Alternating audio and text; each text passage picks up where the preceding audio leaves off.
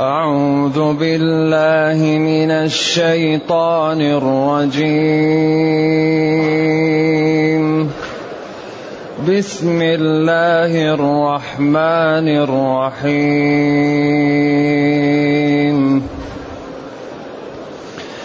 سابقوا إلى مغفرة من ربكم وجنة عرضها كعرض السماء والأرض وجنة عرضها كعرض السماء والأرض أعدت للذين آمنوا بالله ورسله أعدت للذين آمنوا بالله ورسله ذلك فضل الله يؤتيه من يشاء.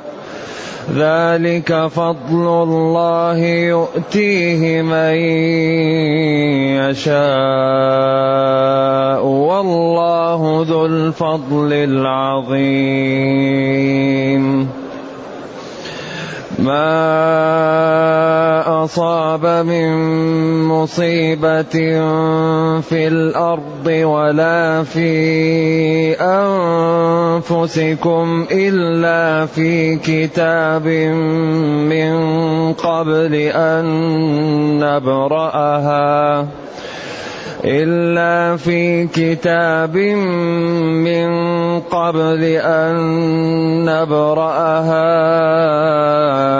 إن ذلك على الله يسير. لكي لا تأسوا على ما فاتكم. لكي لا تأسوا على ما فاتكم ولا تفرحوا بما آتاكم ولا تفرحوا بما آتاكم والله لا يحب كل مختال فخور.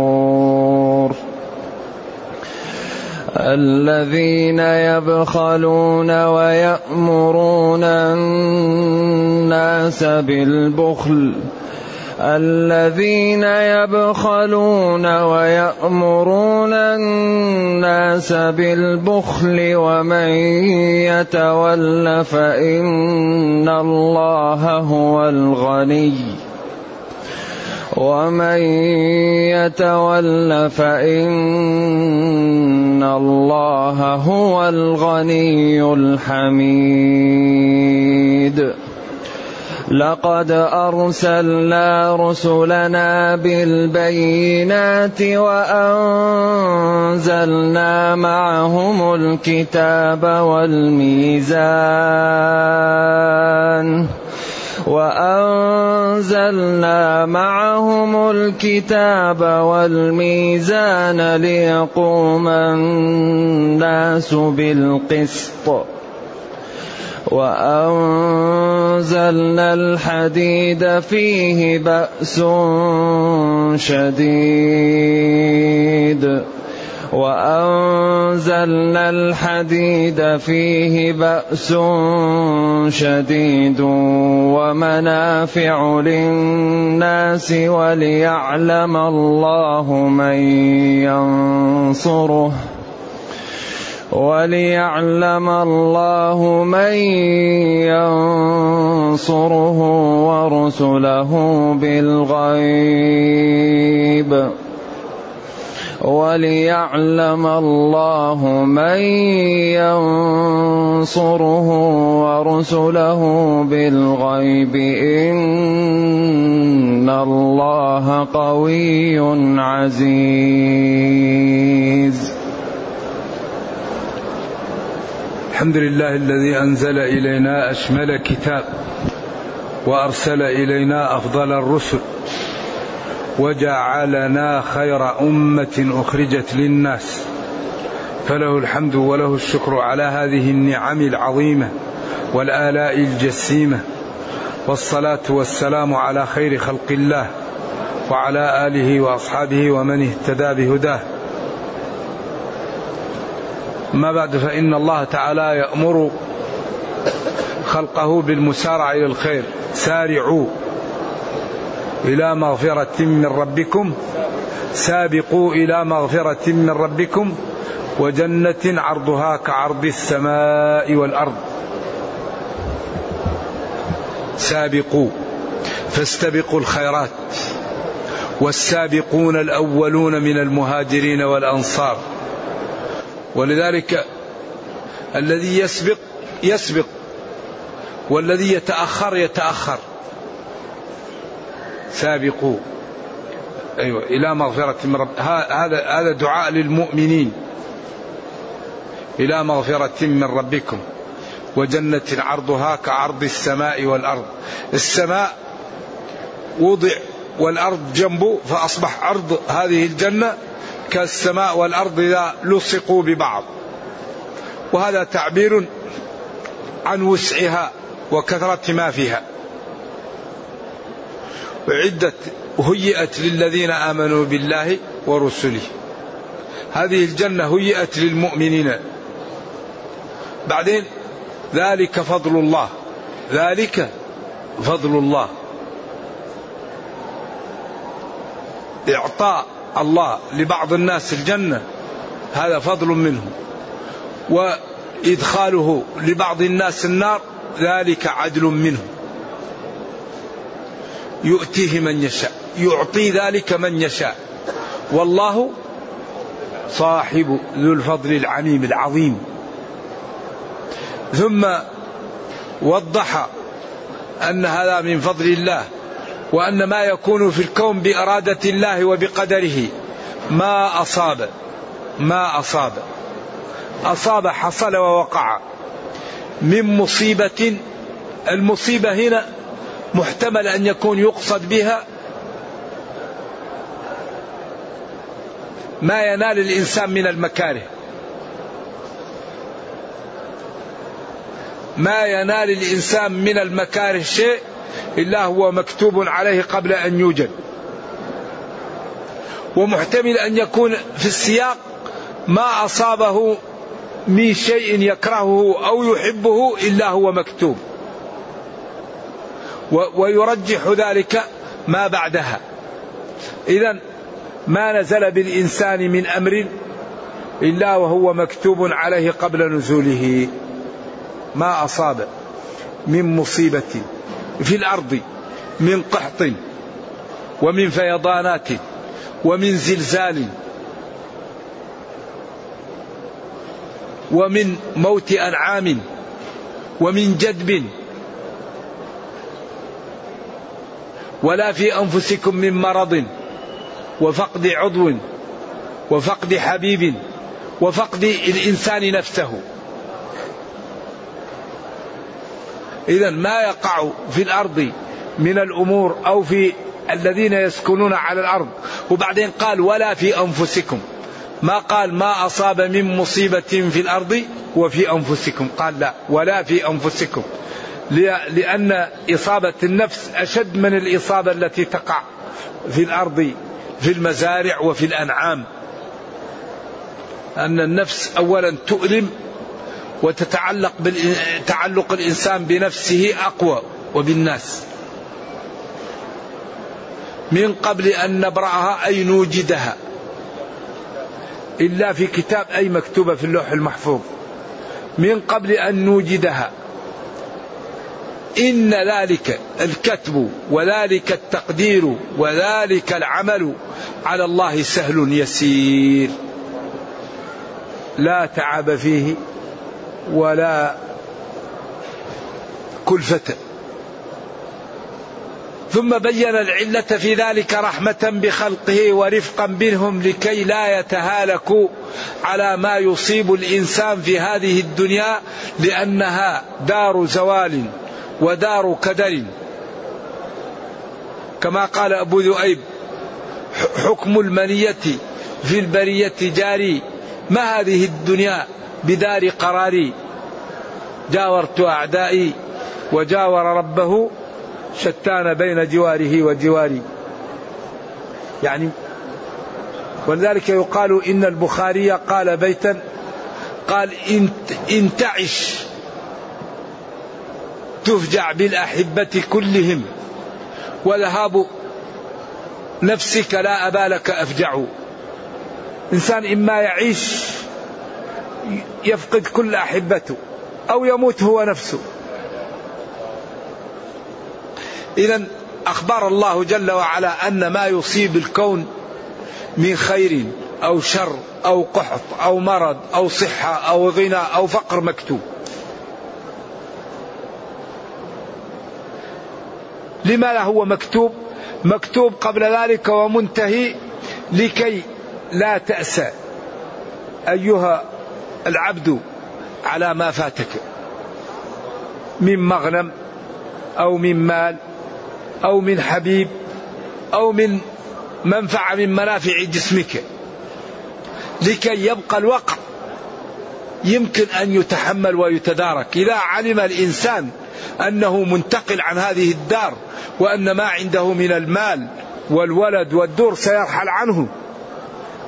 يكون إصابته تخفف عليه الإصابة ويكون وقعها على القلب أخف. إلا في كتاب. بعدين قال لكي لا تأسوا على ما فاتكم ولا تفرحوا بما أتاكم. بخلاف الكفار إذا أصابهم مرض يخور الواحد مثل خوار الثور. وإذا فقد مالا أو حبيبا تجده كالطفل. لا يتماسك. أما المسلم يأوي إلى ركن شديد. إلا في كتاب لكي لا تأسوا على ما فاتكم ولا تفرحوا بما أتاكم.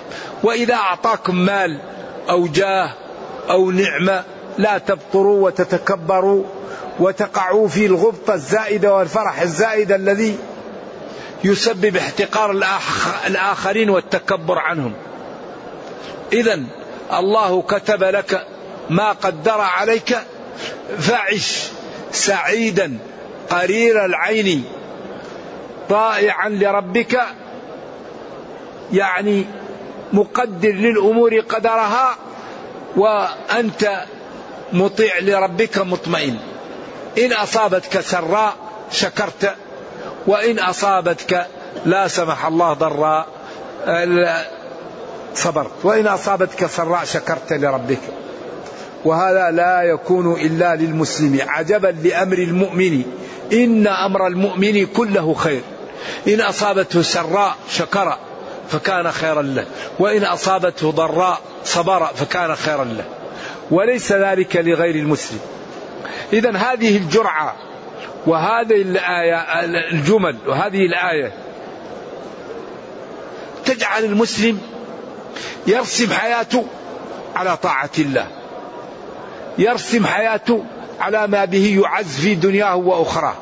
لأن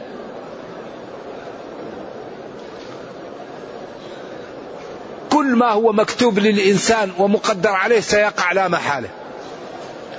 وأكثر ما يزلزل الناس محبة المال والجاه أو الأعمار والأموال. هذا كل مشكلة وراها عمر أو مال نفس أو مال جاه أو مال. فجاهك لا يمكن أن ينقص وعمرك لا يمكن أن ينقص ومالك لا يمكن أن ينقص ولا يمكن أن يزاد. فلم لا تستغل لربك وتخلص نيتك وتعمل عملا يرفعك في دنياك وينجيك في أخراك. ما المانع؟ ما الذي يحول بينك وبين أن تعمل عملا يعزك في الدنيا ويرحمك في الأخرى؟ والله تعالى ضمن لك أنك لا ينقص لحظة من عمرك ولا ينقص درهم من رزقك. كل شيء مكتوب. إذا لم لا نشتغل لديننا؟ وعندنا مطمئنات من ربنا. كل شيء مكتوب. بعدين بين العلة ليبقى المسلم متماسك. بعض الناس إذا مات له حبيب ينهار. ما هو بيده. بعض الناس إذا فقد شيء من ماله يخرج عن طوره. ولذلك الإنسان يسأل الله العافية ولكن يعلم أن هذه الدنيا دار إيش؟ دار بلاء. لتبلون ولنبلونكم. بعدين يقول أحسب الناس أن يتركوا؟ أن يقولوا آمنا وهم لا يفتنون. ولقد فتنا الذين من قبلهم فلا يعلمن الله الذين صدقوا ولا يعلمن الكاذبين. ويقول جل وعلا ليس بأمانيكم ولا أماني أهل الكتاب. من يعمل سوءا يجزى به. ويقول جل وعلا وما خلقنا السماوات والأرض وما بينهما باطلا. ولنبلونكم بشيء من الخوف والجوع ونقص من الأموال والأنفس والثمرات وبشر الصابرين. لتبلون في أموالكم وأنفسكم ولتسمعن من الذين أوتوا الكتاب من قبلكم ومن الذين أشركوا أذى كثيرا وإن تصبروا وتتقوا فإن ذلك لعزم الأمور. إذا كل شيء مكتوب. وهذا المكتوب بين لنا ربنا أنه لكي لا يقع لنا من الأسى والحزن ما به لا نستطيع أن نعبد أو نتسخط. أو تتنغص علينا الحياة تنغص دائم. وإذا أعطينا النعم لا نبطر ونتكبر ونحتقر الآخرين ونقع في المعاصي وفي كل شيء. لكي لا تأسوا على ما فاتكم ولا تفرحوا بما أتاكم. وهذا لطف بنا ورحمة أن الإنسان يبقى في نفسه. ولذلك الإنسان دائما يبقى معتدل. الفرح الشديد لا ينبغي. إنه لا يحب الفرحين أي الأشرين البطرين والمسلم دائما يخاف خائف من الله خائف من عمله خائف مما كتب له. أما الغير مسلم دائما فرح ما يخاف. ولا شك أن الله تعالى كريم والعبد إذا تذكر ما عند الله من الرحمة وأنه وفقه لأن لا يعمل الكبائر ولا يتسلط على الناس ويظلمهم أن ذلك سبب للسرور والفرح. ولذلك من سرته حسنته وساءته سيئته فذلك المسلم. الذي يفرح بالطاعة ويحزن من المعصية هذا هو المسلم. إن ذلك على الله يسير. إذا كل شيء مكتوب. لكن نحن مطالبون بالعمل. ولا نتكل على الكتاب لأن الاتكال عليه من أسباب الخذلان. الذي يتكل على ما كتب في اللوح هذا من أسباب الخذلان. ولذلك آدم لما قال له نبي الله موسى أنت آدم أبو البشر خيبتنا وأخرجتنا من الجنة. قال له أنت موسى كريم الله. تلومني على أمر كتبه الله قبل أن أخلق بأربعين سنة. فحج آدم موسى فحج آدم موسى. كل شيء مكتوب ومنتهي. لكن نحن لا نعرف المكتوب. هل في أحد منا يعرف ما الذي كتب له؟ ما في أحد يعرف ولا يعلم. إذا نعمل. اعملوا. ولما استشكل الصحابة هذه الآية وقالوا يا نبي الله لما العمل؟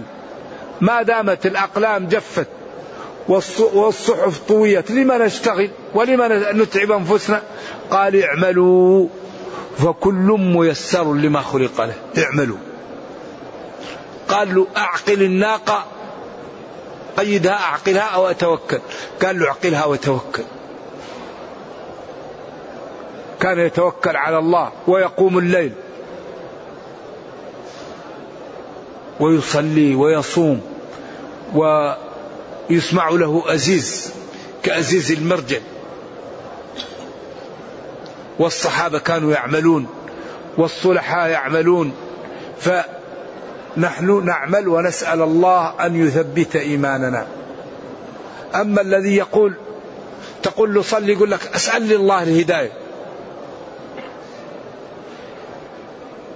طيب ألم يعطيك العقل؟ ألم يعطيك الهداية؟ ألم يجعل لك عينين ولسانا وشفتين وقال لك من ترك الصلاة فهو كافر؟ العهد الذي بيننا وبينهم الصلاة فمن تركها فقد كفر.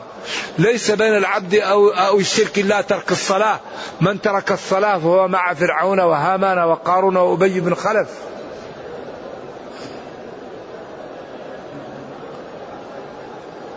لذا هذه الآية تجعل المسلم يعيش متوازن. لا يفرح فرح أكثر من الزائد بالنعم ولا يحزن حزن أكثر من الزائد من من المصائب. وهناك أمر بيد الإنسان وهناك أمر ليس بيده بيده أن لا يصرخ ولا يضرب ولا يشق. أما البكاء هذا لا يملكه الإنسان. كما قال نبينا إن القلب لا يحزن وإن العين لتدمع. ولا نقول إلا ما يرضي ربنا.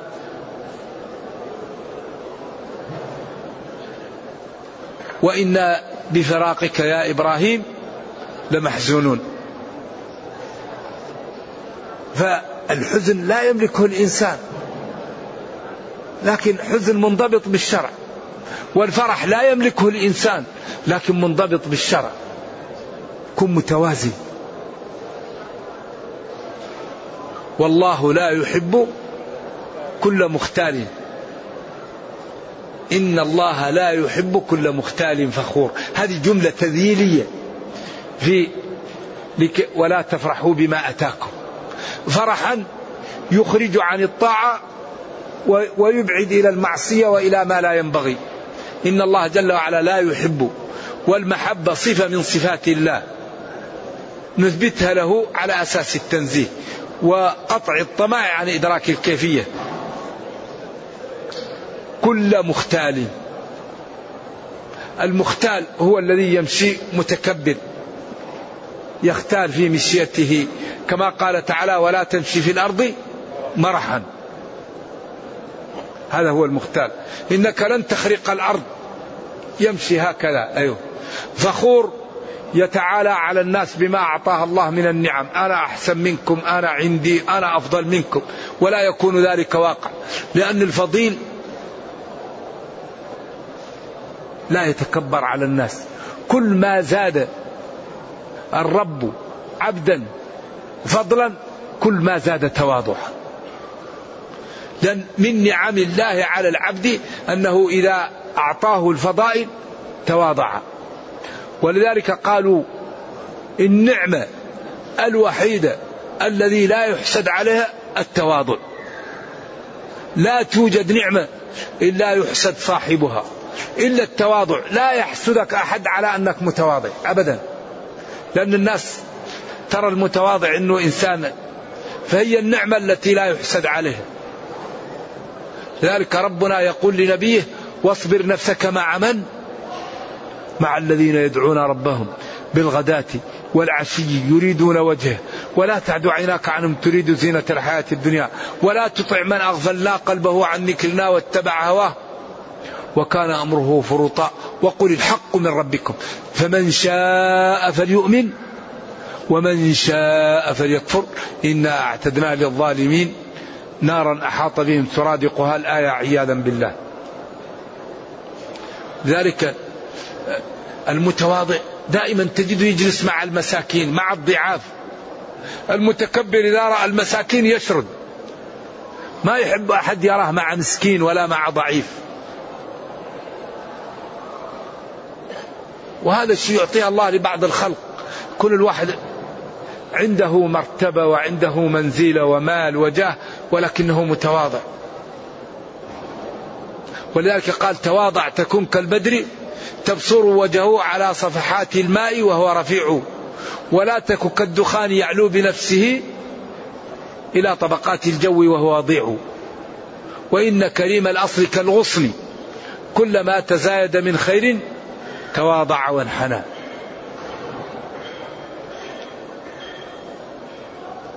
فالمختال والفخور هذا صفات ذميمة ويقابلها المتأدب والمتواضع الذي يمشي على الأرض إيش؟ بتوأدة كما قال تعالى الذين يمشون على الأرض هونا وإذا خاطبهم الجاهلون قالوا سلاما ما أجمل هذا الدين هذا القرآن عجيب. إذا يقول جل وعلا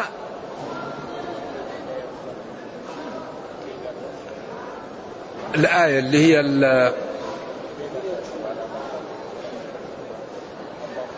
والله لا يحب كل مختال فخور. والله لا يحب المحبة صفة من صفات الله. لا نقول إراد النعمة لا المحبة صفة نقول الله يحب كما قال. ولكن نثبتها على أساس ليس كمثله شيء. ولا نشبه الله بخلق به لأنه قال ليس كمثله شيء. ولا ندرك كنهها لأنه قال ولا يحيطون به علما.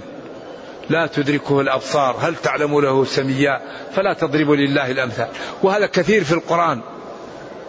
الذين يبخلون مختال تقدم فخور. الذين يبخلون. هل الجملة استئنافية مبتدأ أو خبر أو هي بدل من مختال فخور؟ قولان للعلماء. إن الله لا يحب كل مختال فخور الذين يبخلون ويأمرون. تكون بدل من المختال الفخور. أو يكون الكلام مستأنف.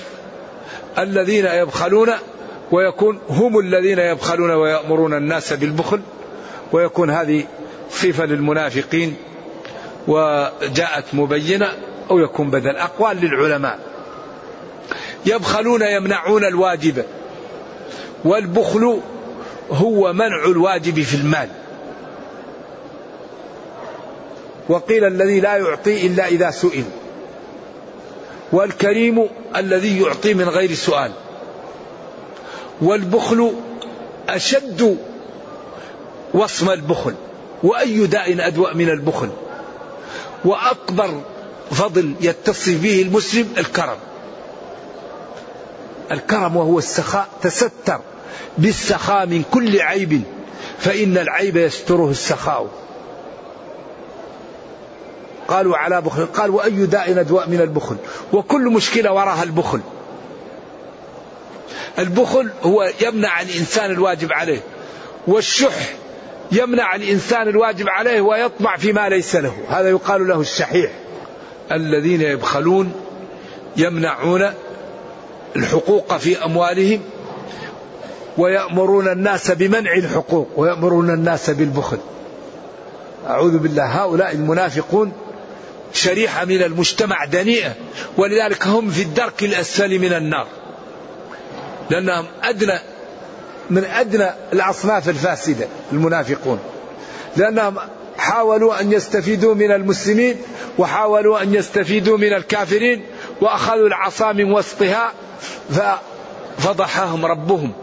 وكشف عوارهم وجعلهم في أشد دركات النار عقابا على ما فعلوا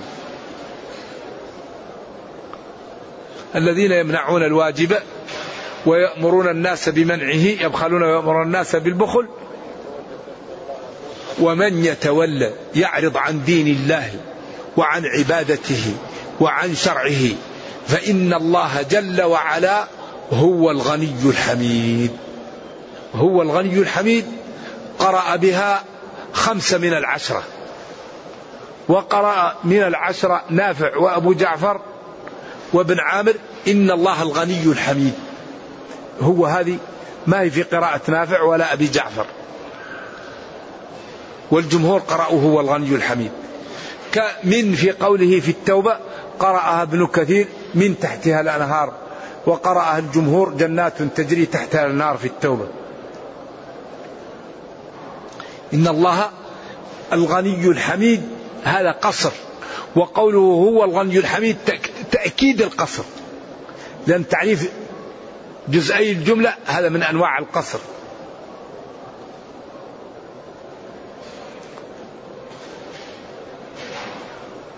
قصر صفة على موصوف. ما المحمود إلا الله.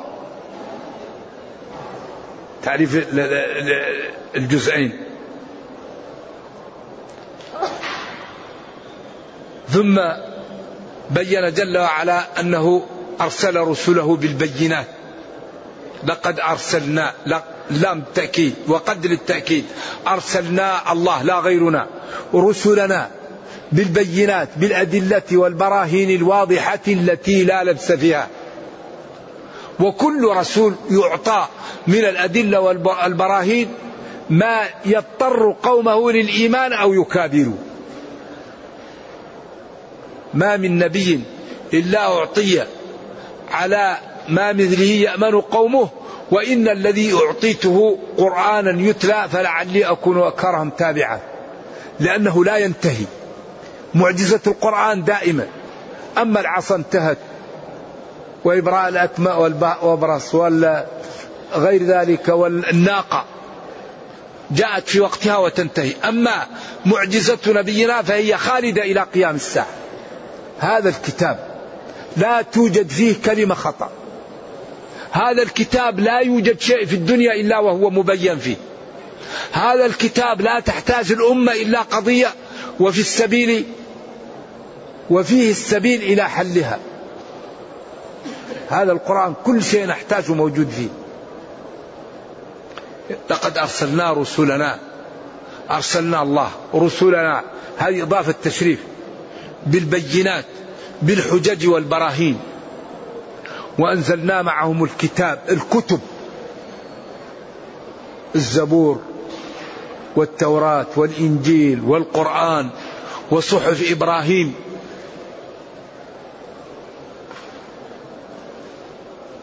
ليقوم الناس بالقسط والميزان العدل. أنزلنا معهم الكتاب والميزان العدل. هذا الكتاب قائم على الميزان. لا تظلمون ولا تظلمون. ويل للمطففين. ولا يجرمنكم شنآن قوم على أن لا تعدلوا. اعدلوا. إن الظلم إن إن إيش؟ إن الظلم إن الشرك لظلم عظيم. نعم. فالله تعالى حرم الظلم ووضع ميزان وأعطى لكل ذي حق حقه وبين الطرق. ميزان واضح. أرسلنا هؤلاء الرسل بأدلة وبراهين وبكلام معقول.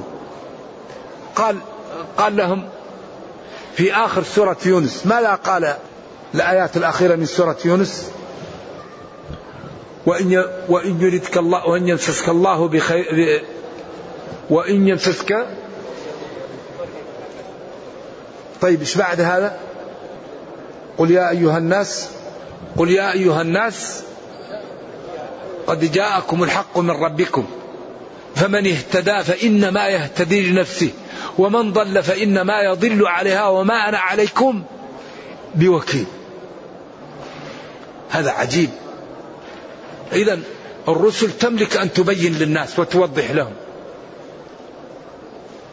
أما إيقاع المعلومة في القلب هذا من خصائص الربوبية. إذا يقول جل وعلا لقد أرسلنا رسلنا بالبينات بالحجج والبراهين وأنزلنا معهم الكتب والعدل ميزان العدل.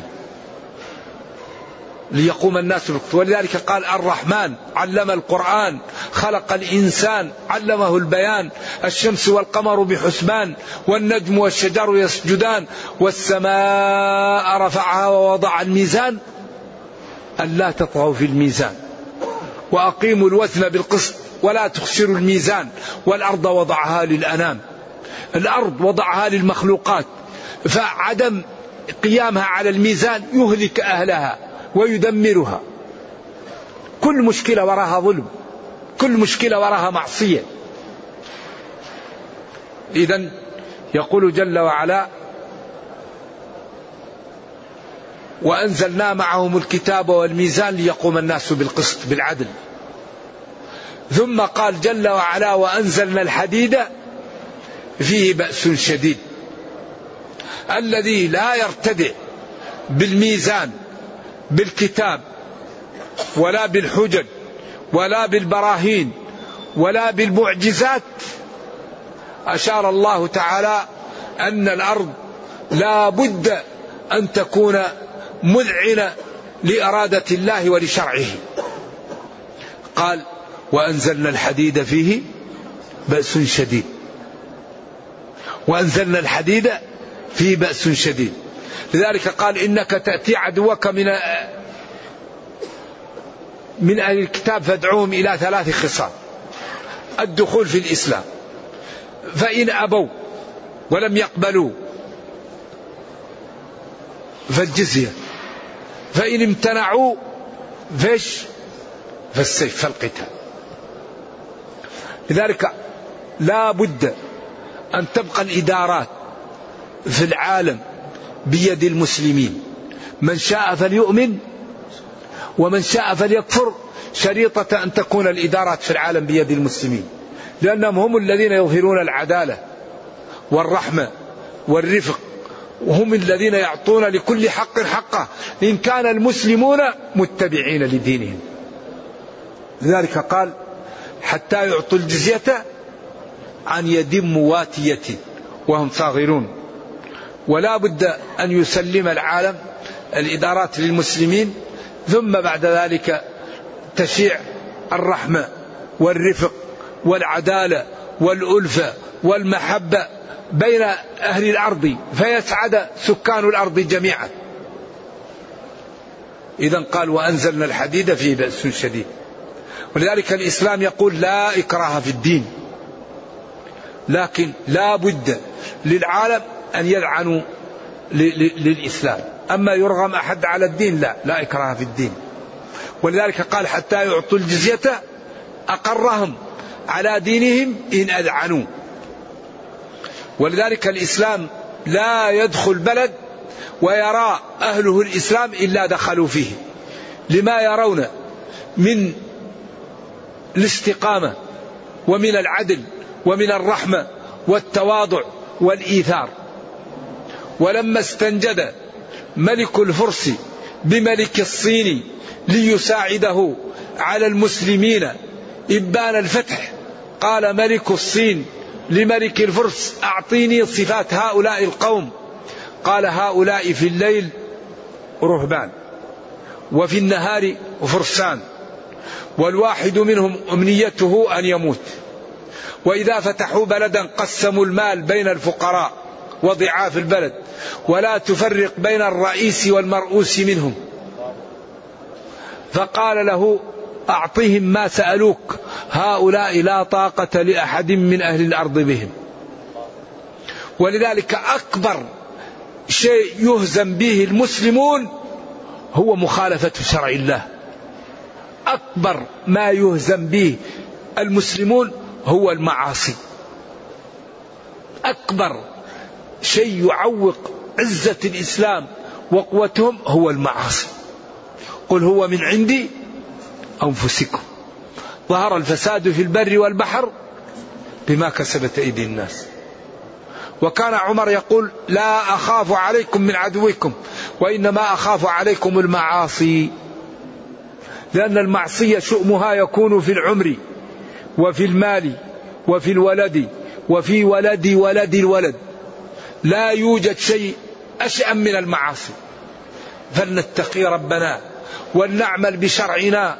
والله يعزنا وينصرنا لأنه لا يخلف الميعاد. وقال جل وعلا أوفوا بعهدي أوفي بعهدكم. لذلك أغلب أسباب ضعف المسلمين هو عدم القيام بالأسباب التي طولبوا بها. أوامر معطلة.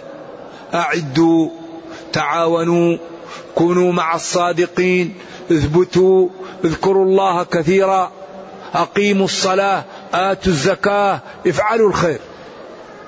أوامر معطلة عند كثير من المسلمين. نواهي منتهكة. ولا تنازعوا. لا يغتب بعضكم بعضا. لا يسخر قوم من قيم من قوم. لا تنابزوا بالألقاب. إن الله لا يغير ما بقوم حتى يغيروا ما بأنفسهم. لا بد أن نأتي الأمور من أبوابها. نأتي الأبواب من أبوابها البيوت من أبوابها حتى نصل إلى العزة وإلى الرفعة وإلى ما أراد ربنا منا. لأن ربنا أنزل علينا هذا الكتاب وأخبرنا أنه تبيان لكل شيء وأخبرنا أن قوله الحق وأمرنا بتدبره وبقراءته وبعدم هجره. كل شيء نحتاج نأخذه من هذا الكتاب. في دنيانا وأخرانا. الآن لو ننظر المخاطر التي تواجه الأمة نهى نهى القرآن عنها. وأمر بالذي يضعف المسلم أنه لا يكون. أعدوا ولا تنازعوا. ذروا ما بقي من الربا ولا تقربوا الزنا. افعلوا الخير لعلكم تفلحون. تعاونوا كونوا مع الصادقين. هذه أمور لو عملها المسلمون لارتقوا. اذا يقول جل وعلا وأنزلنا الحديد فيه بأس شديد ومنافع للناس. انظروا كيف هذا الحديد الآن الموجود. كم الآن هذه الطائرة تختصر من الوقت؟ نفع عجيب. تختصر على الإنسان عشرات الأيام. الذي كان يقطعه في سنة يقطعه في يوم. والذي كان يقطعه في شهر يقطعه في ساعة. منافع للناس. ولكن بأس شديد لا سمح الله إذا وقع كم يكون فيه أيضا بأس شديد هذا الحديد ذلك هذا من إعجاز القرآن. ذلك هذا وكم في الحديد من من منافع للناس من سكاكين وغيرها وأشياء وبناء. وأيضا سلاح الواحد يدفع به عن نفسه ويدعو به لدينه. وأنزلنا الحديد فيه بأس شديد ومنافع للناس. وليعلم الله من ينصره ورسله بالغيب. إن الله قوي عزيز. وليعلم الله علما تقوم عليه الحجة ويؤاخذ به. لأنه يعلم أن بعض الناس يكفر لكن لا يعذبهم حتى يرسل لهم الرسل ويكذبوا كما قال وما كنا معذبين حتى نبعث رسولا. إن الله قوي. أيوه. قوته لا يعلمها إلا الله. عزيز غالب. ومن هذه صفاته يطاع فلا يعصى. ويشكر فلا يكفر. ويذكر فلا يترك. ونرجو الله جل وعلا أن يرينا الحق حقا ويرزقنا اتباعه وأن يرينا الباطل باطلا ويرزقنا اجتنابه وأن لا يجعل الأمر ملتبسا علينا فنضل. اللهم ربنا آتنا في الدنيا حسنة وفي الآخرة حسنة وقنا عذاب النار. اللهم اختم بالسعادة آجالنا واقرم بالعافية غدونا وآصالنا واجعل إلى جنتك مصيرنا ومآلنا. سبحان ربك رب العزة عما يصفون وسلام على المرسلين والحمد لله رب العالمين. وصلى الله وسلم وبارك على نبينا محمد وعلى آله وصحبه. والسلام عليكم ورحمة الله وبركاته.